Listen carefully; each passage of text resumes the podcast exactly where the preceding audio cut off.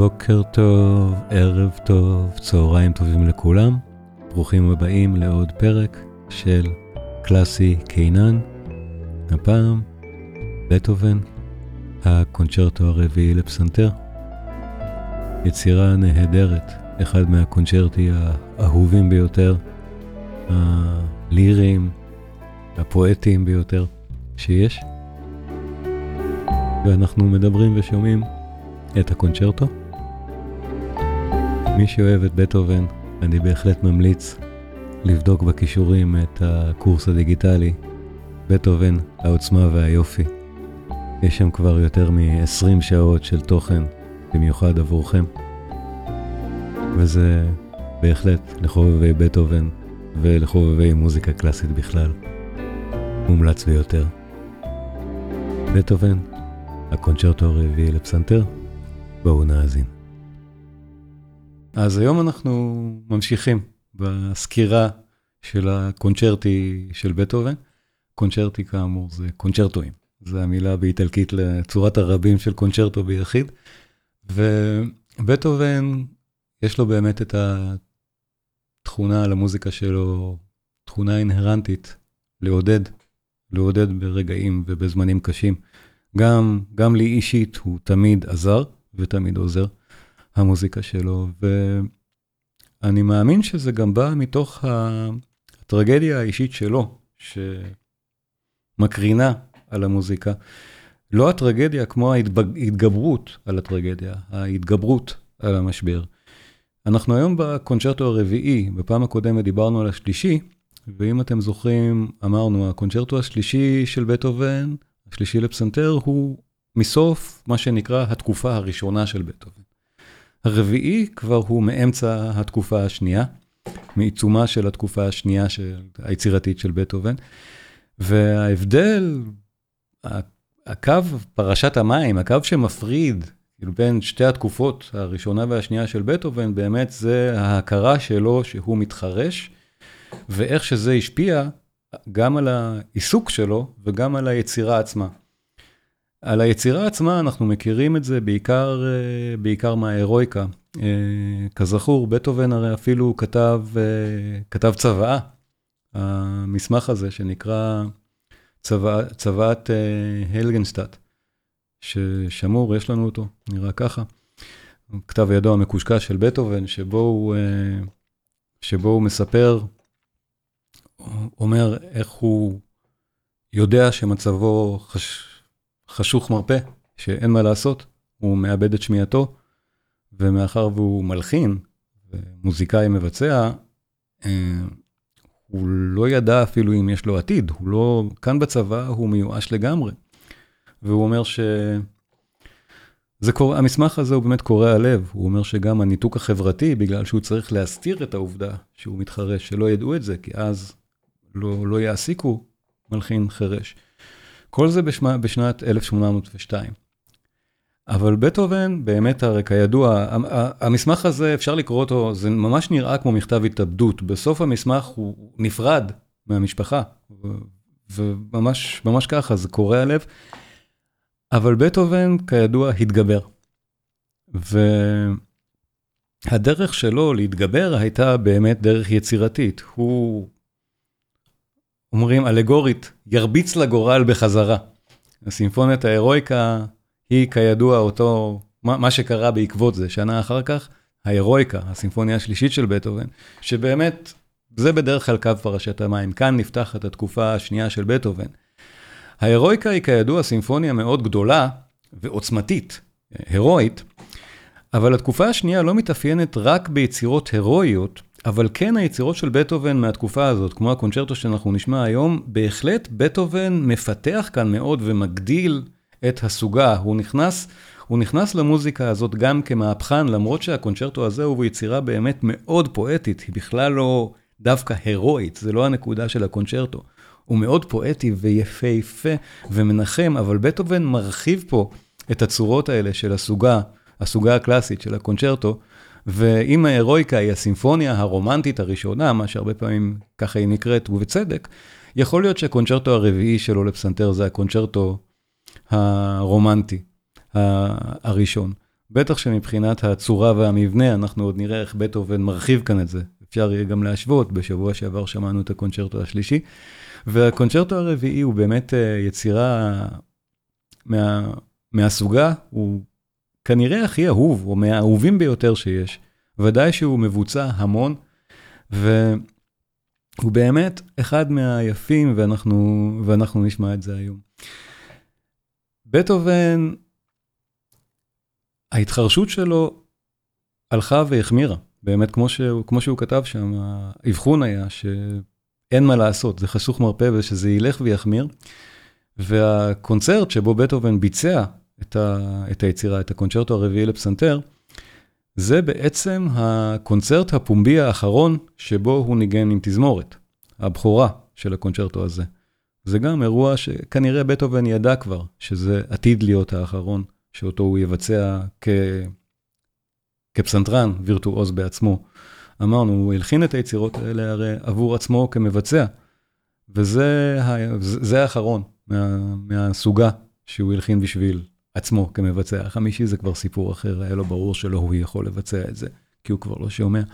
וגם כאן שמיעתו כבר הייתה כנראה מעורערת, עדיין הצליח לבצע את זה, ואותו קונצרט בכורה בווינה היה הצלחה, הצלחה גדולה מאוד, בדיוק כמו הקונצרט של הקונצ'רטו השלישי. זה גם היה קונצרט מרתוני, שמעו בו עוד שתי יצירות חדשות ומדהימות. זה באמת תוכנית קונצרט הסימפוניה החמישית, השישית, והקונצ'רטו הרביעי לפסנתר, כולם בוצעו באותו הקונצרט המרתוני, המגלומני משהו הזה, בווינה. זה המון, בטח של מוזיקה חדשה, אבל איזו מוזיקה. שלוש היצירות האלה הן נהדרות, והן שלושתן מאוד שונות זו מזו. אבל בין הסימפוניה החמישית לקונצ'רטו יש איזשהו קשר מסוים. העניין בסימפוניה החמישית, אם אנחנו, אם אנחנו נזכר, באופן מאוד מפורסם, אנחנו מדברים על מוטיב של ארבעה תווים, שהוא הדבר שבעצם יוצר את, ה, את הפרק הראשון של הסימפוניה. זה כל מה שיש פה, ארבעה תווים. שהארבעה תווים האלה ממשיכים בתור קבוצות של ארבעה תווים, כל הזמן.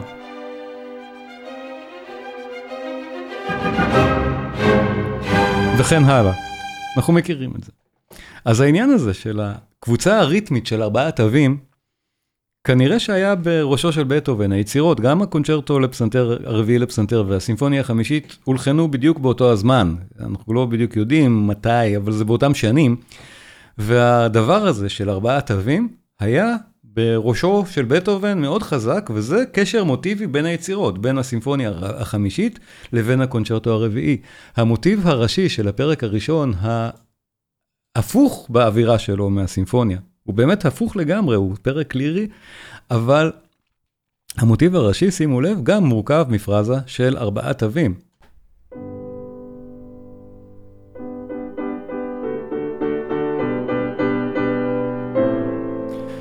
והפיגורציות האלה של ארבעה תווים, יחזרו והם הבסיס הריתמי בעצם, הבסיס הקצבי, לכל הפרק המשגע הזה. מעבר לזה, יש פה הרבה מאוד חדשנויות עכשיו מבחינה מבנית. אחרי ההירואיקה, בטהובן באמת, בתקופה השנייה של היצירה שלו, מרחיב מאוד את הסוגה, מרחיב את המעוף. אמרנו, היצירה הזאת היא כבר נשמעת כמו קונצ'רטו רומנטי, וגם במבנה של הפרק אנחנו מזהים את אותם עניינים כבר של הרחבת צורת הסונטה, את הצורה, הצורה הרגילה של פרקים כאלה, שאמורים להיות בצורת סונטה. אז בואו נעבור באמת על, ה, על המוטיבים של הפרק, נראה איך הוא בנוי, ואז נאזין לו, היצירה הזאת באמת כל כך יפה, אני אדבר עכשיו, ועל המוזיקה עצמה אני אדבר כמה שפחות, כי היא נהדרת. אז אכן, המוטיב הראשון, אותו מוטיב של ארבעה תווים.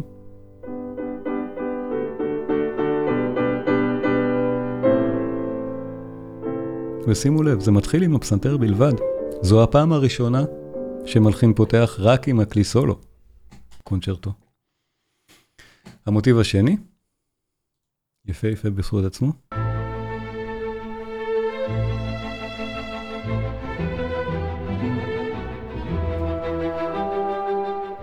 ושימו לב, המוטיב הזה עובר לנו כל הזמן סולמות, מה שנקרא מודולציות. שלוש פעמים הוא עובר. והעניין הזה של מעברי סולמות, של מודולציות מאוד פרועות מהסוג הזה, גם מאפיין את התקופה השנייה של בטהובן, זה מאפיין את היצירה שלו בכלל, אנחנו תכף נראה את הפתיחה, מה הוא עושה שם עוד, אבל בנוסף, בטהובן גם נותן כאן מוטיב שלישי קטן, שנשמע כך.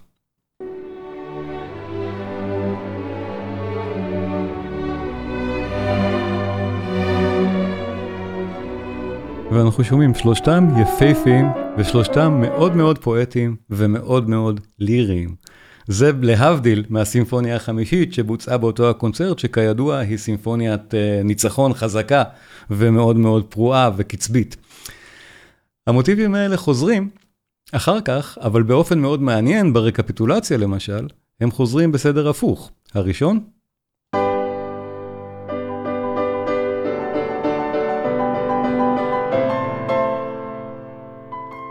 ואז השלישי.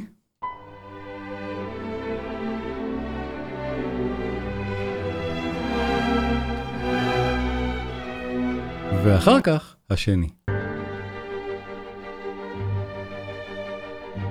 וכל הדברים האלה הם מעניינים ובדיוק זו הנקודה, אותה הרחבה צורנית והרחבה קומפוזיטורית שמאפיינת את התקופה השנייה של בטהובן אחרי ההירואיקה. בהירואיקה נפרצו כל הסכרים האלה מבחינת בטהובן. הוא אמר, אני אעשה את המוזיקה האומנותית שאני צריך לעשות, ולהרביץ בגורל בחזרה. אז את זה הוא גם עושה כאן מבחינה מבנית, ובכך הוא בעצם ממסד את הקונצ'רטו הרומנטי לפסנתר שבא אחר כך, באותו פרק ראשון מדהים של הקונצ'רטו הרביעי לפסנתר. אז בואו נאזין לפרק ואני אספר על המוטיבים כשנשמע אותם, אבל לפני שנאזין לו, שימו לב לדבר המאוד מעניין ומיוחד שקורה בהתחלה. דיברתי קודם על המוטיב השני שמחליף שלושה סולמות, שימו לב, נשמע את זה עוד פעם, מחליף שלושה סולמות בצורה מאוד מעניינת. אחד. סולם אחר. אנחנו ממש שומעים, אנחנו כל פעם במשהו אחר. וסולם שלישי. מודולציות, מה שנקרא. גם המוטיב הראשון בעצם, בתחילת היצירה, אמרנו, היא מתחילה עם פסנתר לבד, משהו מאוד מוזר, הקהל לא שמע דבר כזה מעולם. אבל כשהתזמורת נכנסת, היא נכנסת בסולם זר לגמרי לפסנתר. הפסנתר בסול, התזמורת בסי, ושימו לב לאפקט המדהים שזה יוצר.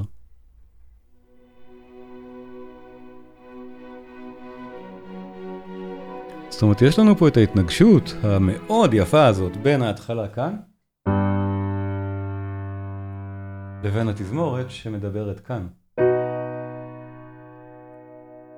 ממש, ממש, ממש מרגש. אלה מהלכים הרמוניים שלא שמעו לפני בטהובן.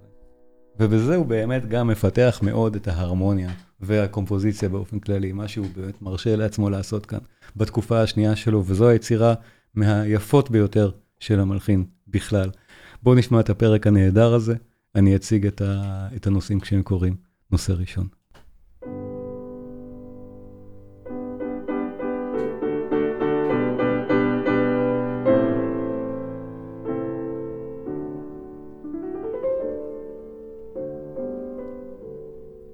והתזמורת עונה לו בשיא. שיא העדינות. ארבעה תווים, אותו מוטיב של ארבעה תווים.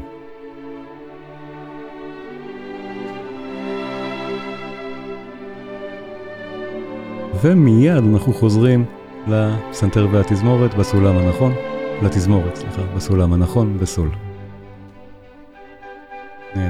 וכל הזמן ארבעה תווים, אותו קצב, אותו מקצב.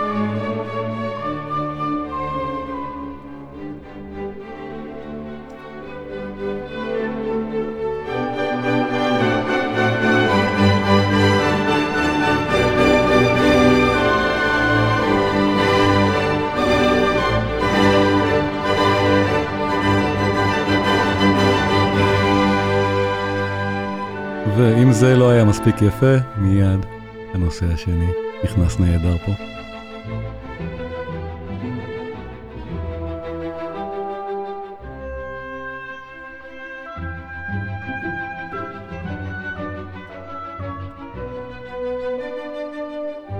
כל הזמן אנחנו במודולציות כאן, במעבר בין סולמות. אני אראה את ההקלטה הנהדרת שאנחנו שומעים. בסדרה הזאת אנחנו שומעים את ברנדל, פסנתרן נהדר של בטהובן. יש מאות הקלטות ליצירות האלה, ודאי.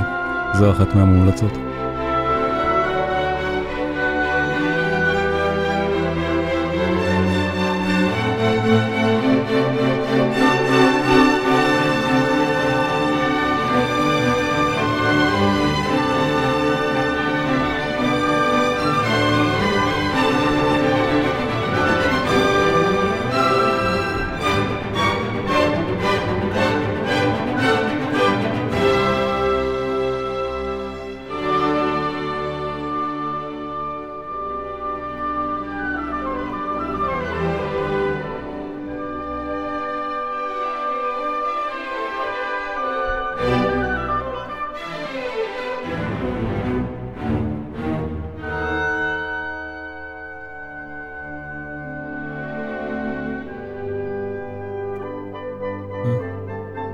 אנחנו שומעים את ארבעת התווים האלה, את אותו קצב שמחזיק את כל הפרק בעצם.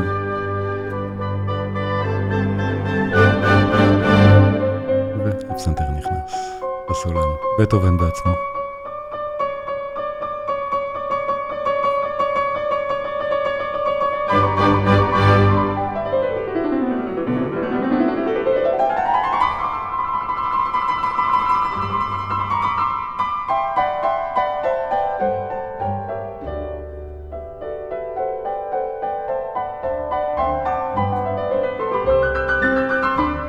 וכשאנחנו מגיעים לרה-אקספוזיציה אנחנו שומעים שוב את הנושא הראשון.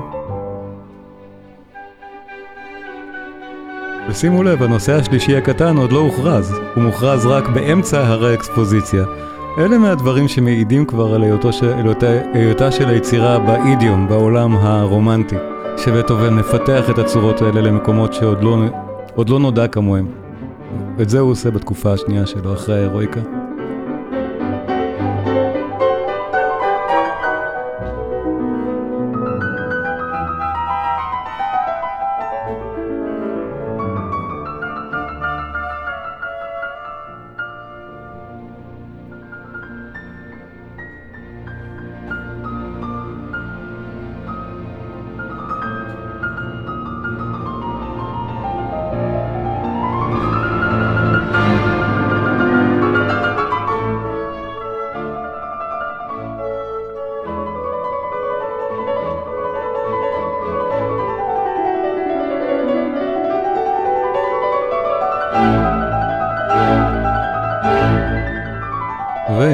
נושא שלישי, אנחנו זוכרים, יפהפה גם, וגם עובר סולמות.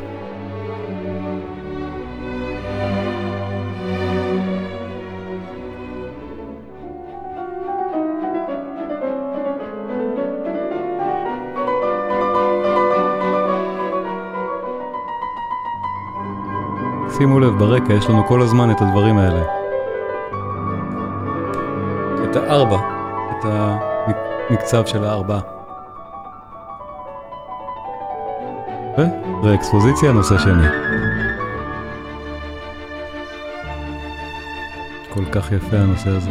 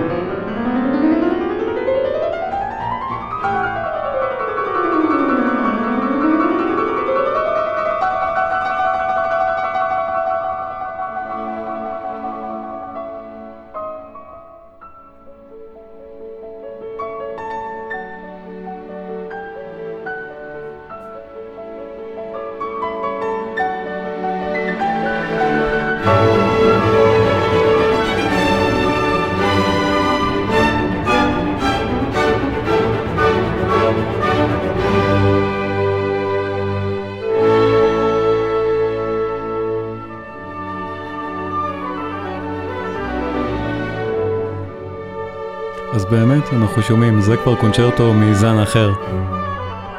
הנושאים, המוטיבים, באים אחד לתוך השני ונבנים כל כך יפה במין רצף נהדר, לא ממש מופרדים זה מזה.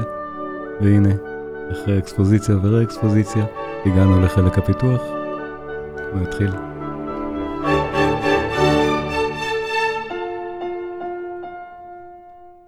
ארבעה תווים זה המוטיב.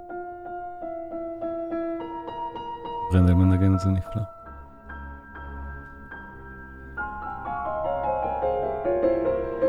המוזיקה הזאת כל כך לירית, כך פואטית.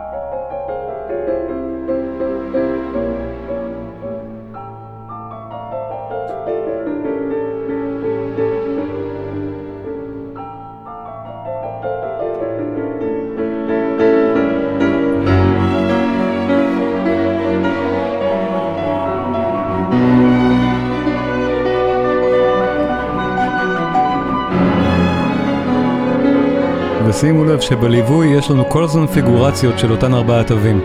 בכל מיני מקומות בתזמורת. זה כל הזמן מלווה, אותם ארבעה תווים.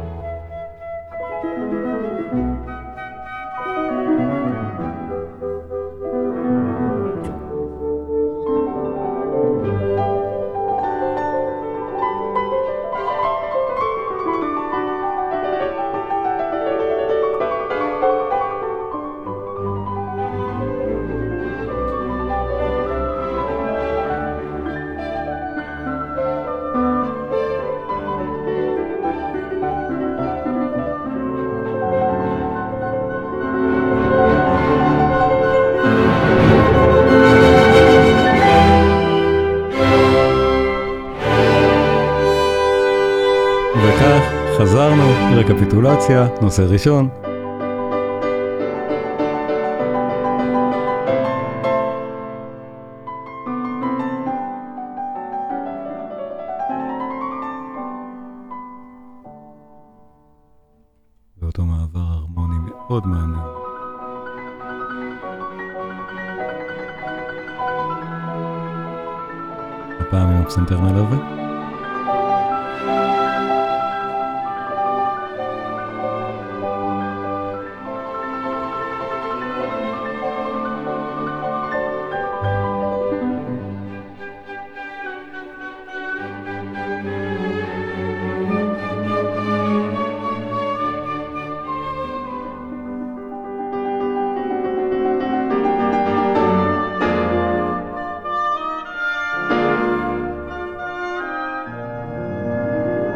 ושימו לב, בטהובן עכשיו לא מגיע לנושא השני, בניגוד לצפוי, הוא מגיע לנושא השלישי, ואחריו לשני. הוא הופך את הסדר ברקפיטולציה, וכל זה כהכנה, כמובן, לקדנצה, לחלק שבו הפסנתרן מפגין את יכולותיו כסולן.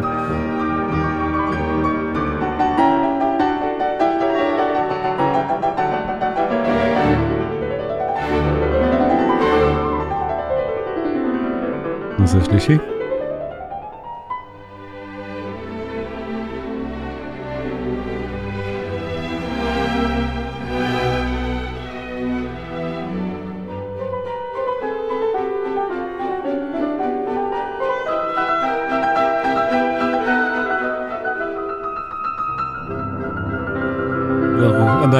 כל הזמן. ארבעה תווים, את הפיגורציה. סליחה. והנושא השני הנפלא מגיע עכשיו.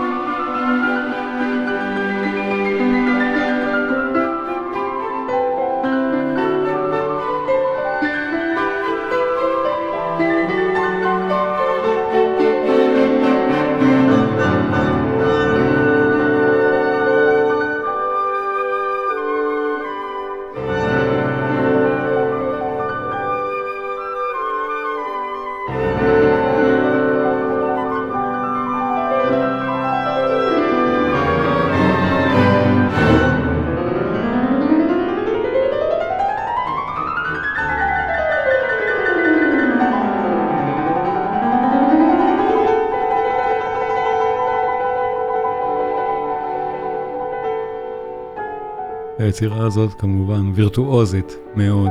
זה היה מולחן עבור בטהובן עצמו, שינגן את זה כסולן. והרבה מאוד שנים היא לא נוגנה בווינה, עד שווירטואוזים 20 שנה אחר כך, כמו מנדלסון או ליסט, ניגנו את היצירה הזאת. רק בטהובן בשלב הזה ניגן את הקונצ'רטיילה שלו, או את זה לפחות. קדנצה? בטהובן הלחין שתי קדנצות, קדנצה זה חלק הסולו של הסולן.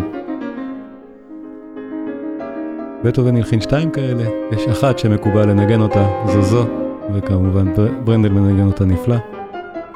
אני לא, לא אדבר יותר מדי על זה, צריך לשמוע.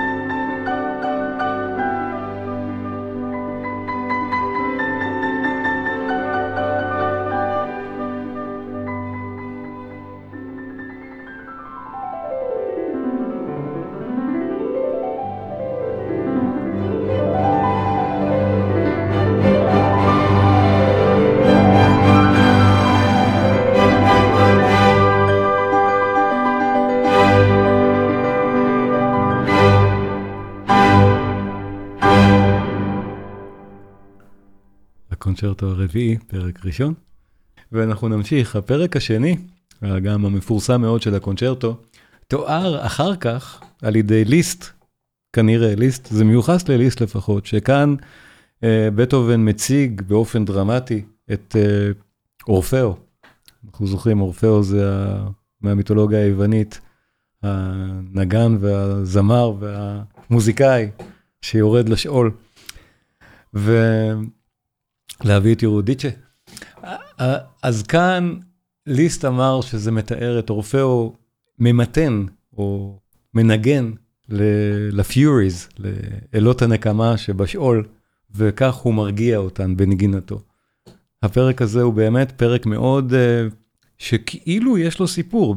זה, זה אנדנטה שלא דומה לאנדנטה מה, מהקונצ'רטו השלישי או החמישי של בטהובן, זה פרק מאוד מיוחד שלו, פרק קצר יחסית אמנם, אבל יש לנו פה באמת התנגשות או מין דיאלוג של התזמורת מאוד חזקה והיא כאילו ה-Furies אה, מהשאול, והפסנתר הוא אורפאו, שמרגיע אותם בנגינתו, והם כמעט ישויות נפרדות, לפחות בתחילת הפרק, עד שהוא מרגיע אותן, והן, והתזמורת הופכת להיות עם הפסנתר. אז בואו נאזין לזה ונשמע את אותם ניגודים באמת מאוד יפים, ובטהובן כידוע הוא מלחין דרמטי. בטהובן לא כתב על הפרק הזה שמבחינתו זה אורפאו, בטהובן זו יצירה אבסולוטית, אבל כל כך קל על היצירות האלה של בטהובן, באמת, כמו ההירואיקה, או כמו כאן, לתת להם מין, מין מסר דרמטי, הן כמעט מבקשות את זה. אז בואו נשמע את הפרק. כבר מההתחלה ברור שאנחנו פה בסוג של איזושהי דרמה. התזמורת אומרת את הדבר שלה.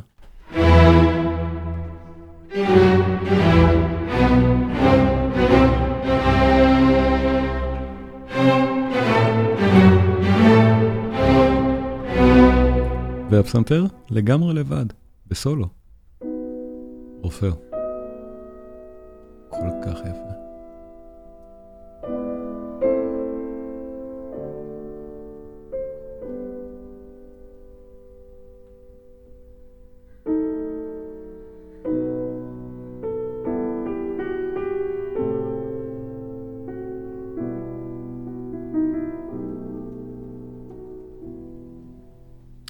ושוב התזמורת.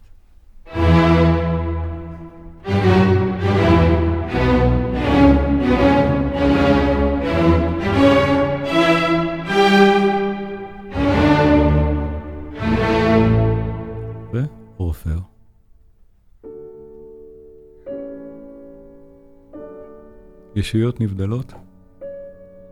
בסוג של דיאלוג, אבל באמת יש לנו פה הדרגתיות, שימו לב, אורפאו מעדן וממתן את הפיוריז ומרגיע אותם כאילו.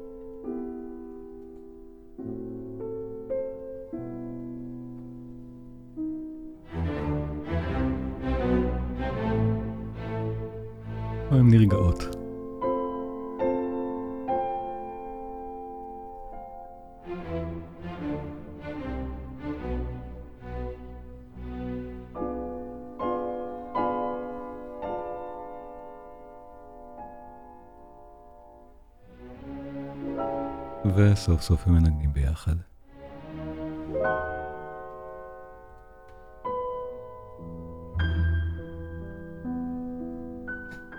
זה הרגע הראשון בפרק שבו התזמורת מלווה את הפסנתר.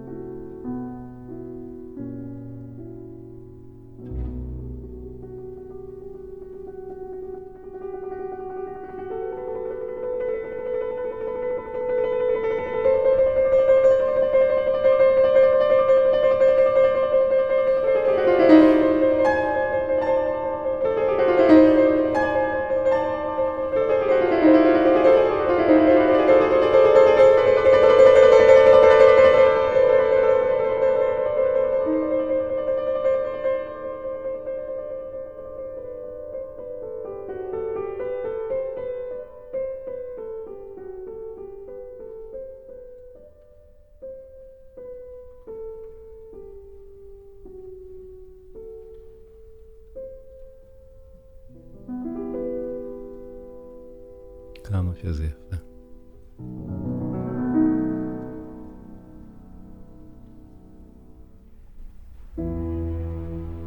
הנה, נרגעו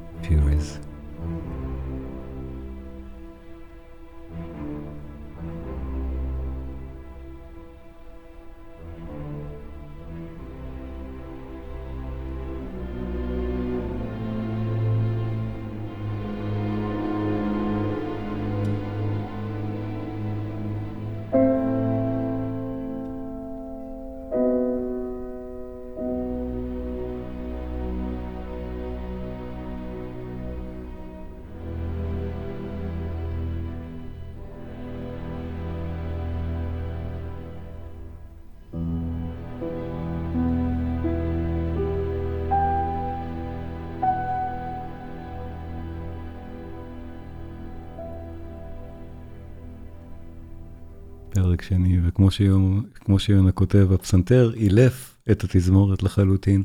אין פלא שהמוזיקה הזאת עוררה בליסט, אחד מה, באמת המבצעים הנפלאים של היצירות האלה, את, ה, את ה imagery הזה של אורפאוס.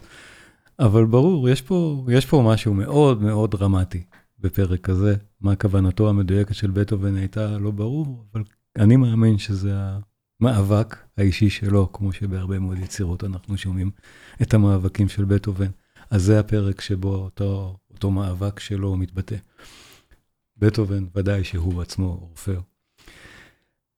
הפרק האחרון, בגישה אחרת, סוגר את, סוגר את הקונצ'רטו, פרק יותר באמת קל, שימו לב, הפרק הראשון היה באורכו, יכול, מה ששמענו עכשיו בהקלטה הזאת זה 17 וחצי דקות, זה יכול להיות גם יותר ארוך, תלוי מי מנגן את זה. הפרקים האלה יותר קצרים, שניהם ביחד, לא מגיעים באורך לאורכו של הפרק הראשון, והפרק האחרון הוא רונדו ויבאצ'ה, רונדו נהדר. רונדו, אנחנו זוכרים, מבנה של רונדו, א', ב', א', ג', א', ב', או משהו מהסוג הזה, של, יש לנו את, את החזרה מהסוג הזה, אז יש לנו כאן רונדו באמת קלאסי של בטהובן, שמסיים את הקונצ'רטו באווירה שמחה, יפה, חיה. בוא נשמע, רונדו. חלק א'.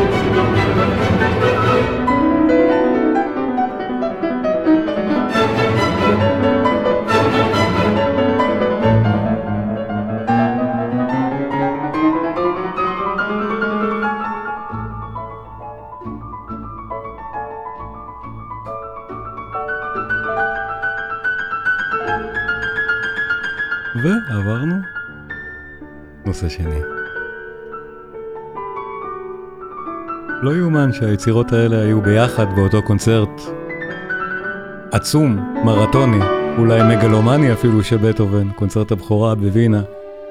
הקונצ'רטו הזה יחד עם הסימפוניה החמישית והסימפוניה השישית גם זה שלוש יצירות הרי נפלאות, כל אחת היא מהגדולות ביותר שיש, גם הסימפוניות החמישית והשישית הן אה, יצירות ענקיות ונהדרות של בטהובן. לשים את שלושתם באותו קונצרט זה לא משהו שמישהו היום היה מעלה בדעתו בכלל לעשות. אבל הניגוד בין שלוש היצירות, עד כמה הן שונות זו מזו גם, בטהובן השכיל כאן לגוון כל כך, וזה באמת היה קונצרט הפרידה שלו כמבצע, בעצם כמבצע של יצירות של קונצ'רטי, של יצירות עם תזמורת. כי כמובן, כשהוא התחרש, כבר היה לו קשה מאוד לבצע בסינק עם התזמורת, ובאותה צורה היה לו גם קשה מאוד כבר לנצח אחר כך. אנחנו יודעים על התשיעית, נספר על זה אחר כך.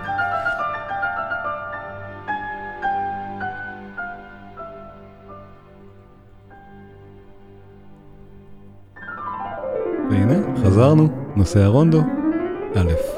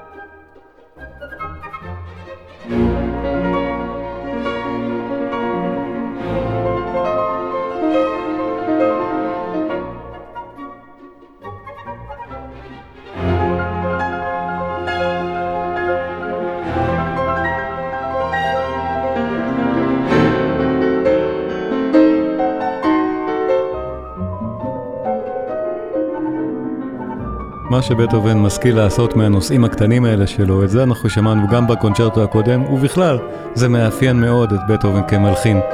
לקחת את הדבר הקטן, את המוטיב הקטן, ולהפוך אותו למשהו כל כך מעניין בדרך שבו הוא מפתח את המוטיבים הנהדרים האלה שלו.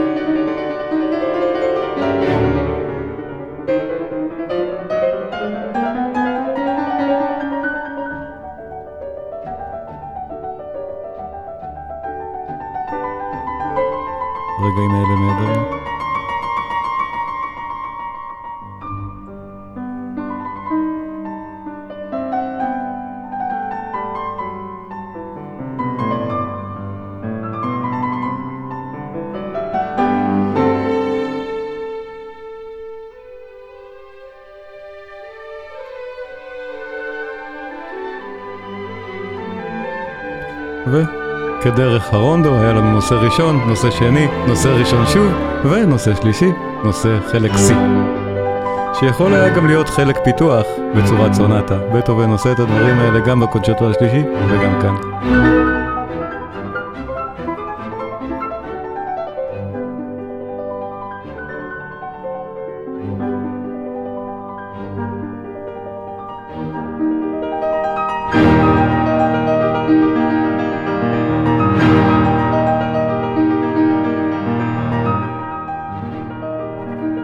שואלת, מה החוט המקשר מבחינת המבנה המוזיקלי בין שלושת הפרקים? אין דווקא קשר מוטיבי בין שלושת הפרקים. Uh, מהבחינה הזאת זה בנוי כמו, כמו קונצ'רטו. הפרקים הם יחידות אוטונומיות שהן בנויות לפי באמת uh, מוסכמות מסוימות.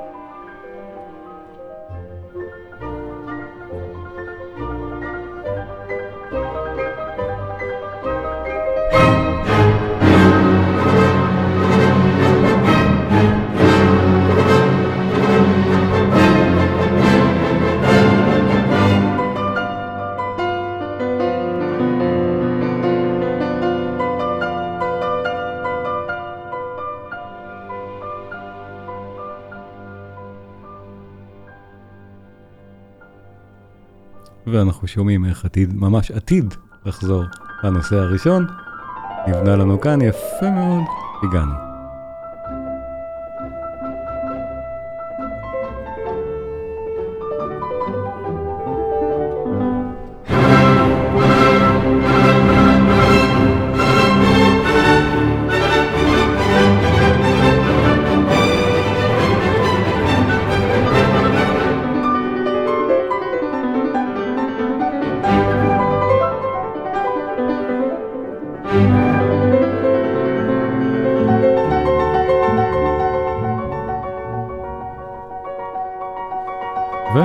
ונושא שני חוזר לנו שוב, עכשיו. כל כך יפה. אותו קונצרט בווינה של בטהובן, שבו הוא הציג את היצירות האלה, הצליח מאוד, האולם היה מלא מפה לפה. בטהובן כבר בתקופה הזאת, ודאי, היה, היה לו שם של המלחין הבכיר בווינה, בלי מתחרים כמעט בכלל. הצליח מאוד גם כלכלית, וזה בעצם רק בטהובן אולי ידע שכאן הוא נפרד כמבצע מהקהל שלו.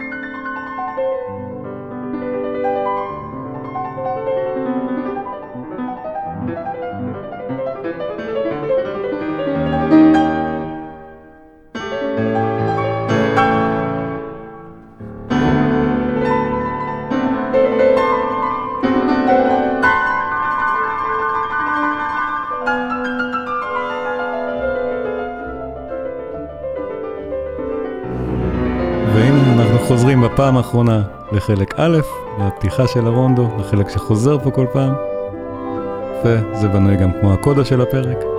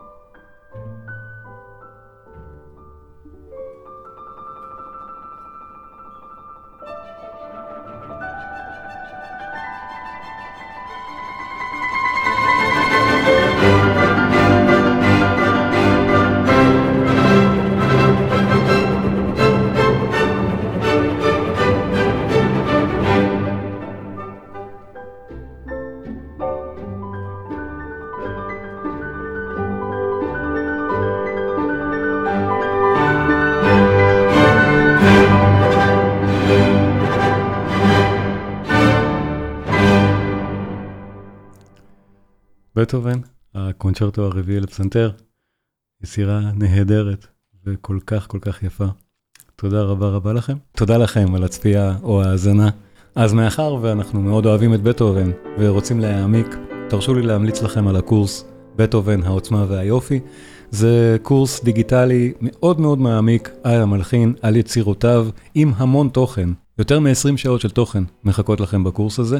תחילת הדרך, הדרך למעלה, הירואיקה, התקופה השנייה, התקופה השלישית, הסימפוניה התשיעית חלק א', הסימפוניה התשיעית חלק ב', זה ניתוח מוזיקלי מלא של היצירה. תכנים נוספים, הקונצ'רטי לפסנתר, הקונצ'רטו הרביעי לפסנתר, הסימפוניה החמישית, כשהיידן פגש את בטהובן, הסונטות לפסנתר א' וב', הקונצ'רטו הרומנטי לפסנתר שומן וגריג, וגם, חוץ ממה שכבר יש כאן, אני מוסיף ממש היום עוד שלוש הרצאות על בראמס שקשורות לזה, ועוד שתיים על בטהובן שעדיין לא נכנסו לקורס, אבל כאמור, אני משדרג את זה כל הזמן ככל שאני עצמי מעביר עוד תוכן, אז יש פה המון מה לראות. ובנוסף, לא פחות חשוב, בונוסים, הסרט הדוקומנטרי המעולה, בית'ובנ's Hair, שערו של בטהובן, קצת קשה להשגה, מרתק על מה בדיוק גרם לחרשותו של בטהובן ולמותו. אה, מחקר מאוד מאוד מעניין, אני לא אעשה ספוילרים, שווה שווה צפייה. ה-BBC, האירואיקה, גם הפקה נהדרת, שווה מאוד צפייה. לא דוקומנטרי, אבל נפלא בלי קשר. Copying Beethoven זה הסרט שהיה בהרצאה שראינו עכשיו. קישור לקורס מופיע לפניכם עכשיו על המסך, וגם בתיאור של הסרטון ביוטיוב יש לינק ושיעור או שניים פתוחים לצפייה בחינם. התמיכה שלכם כמובן מאוד מאוד עוזרת, זכרו לעשות subscribe, עשו לייק וכך תדעו מתי עולים פרקים חדשים. אנחנו נתראה בשבוע הבא.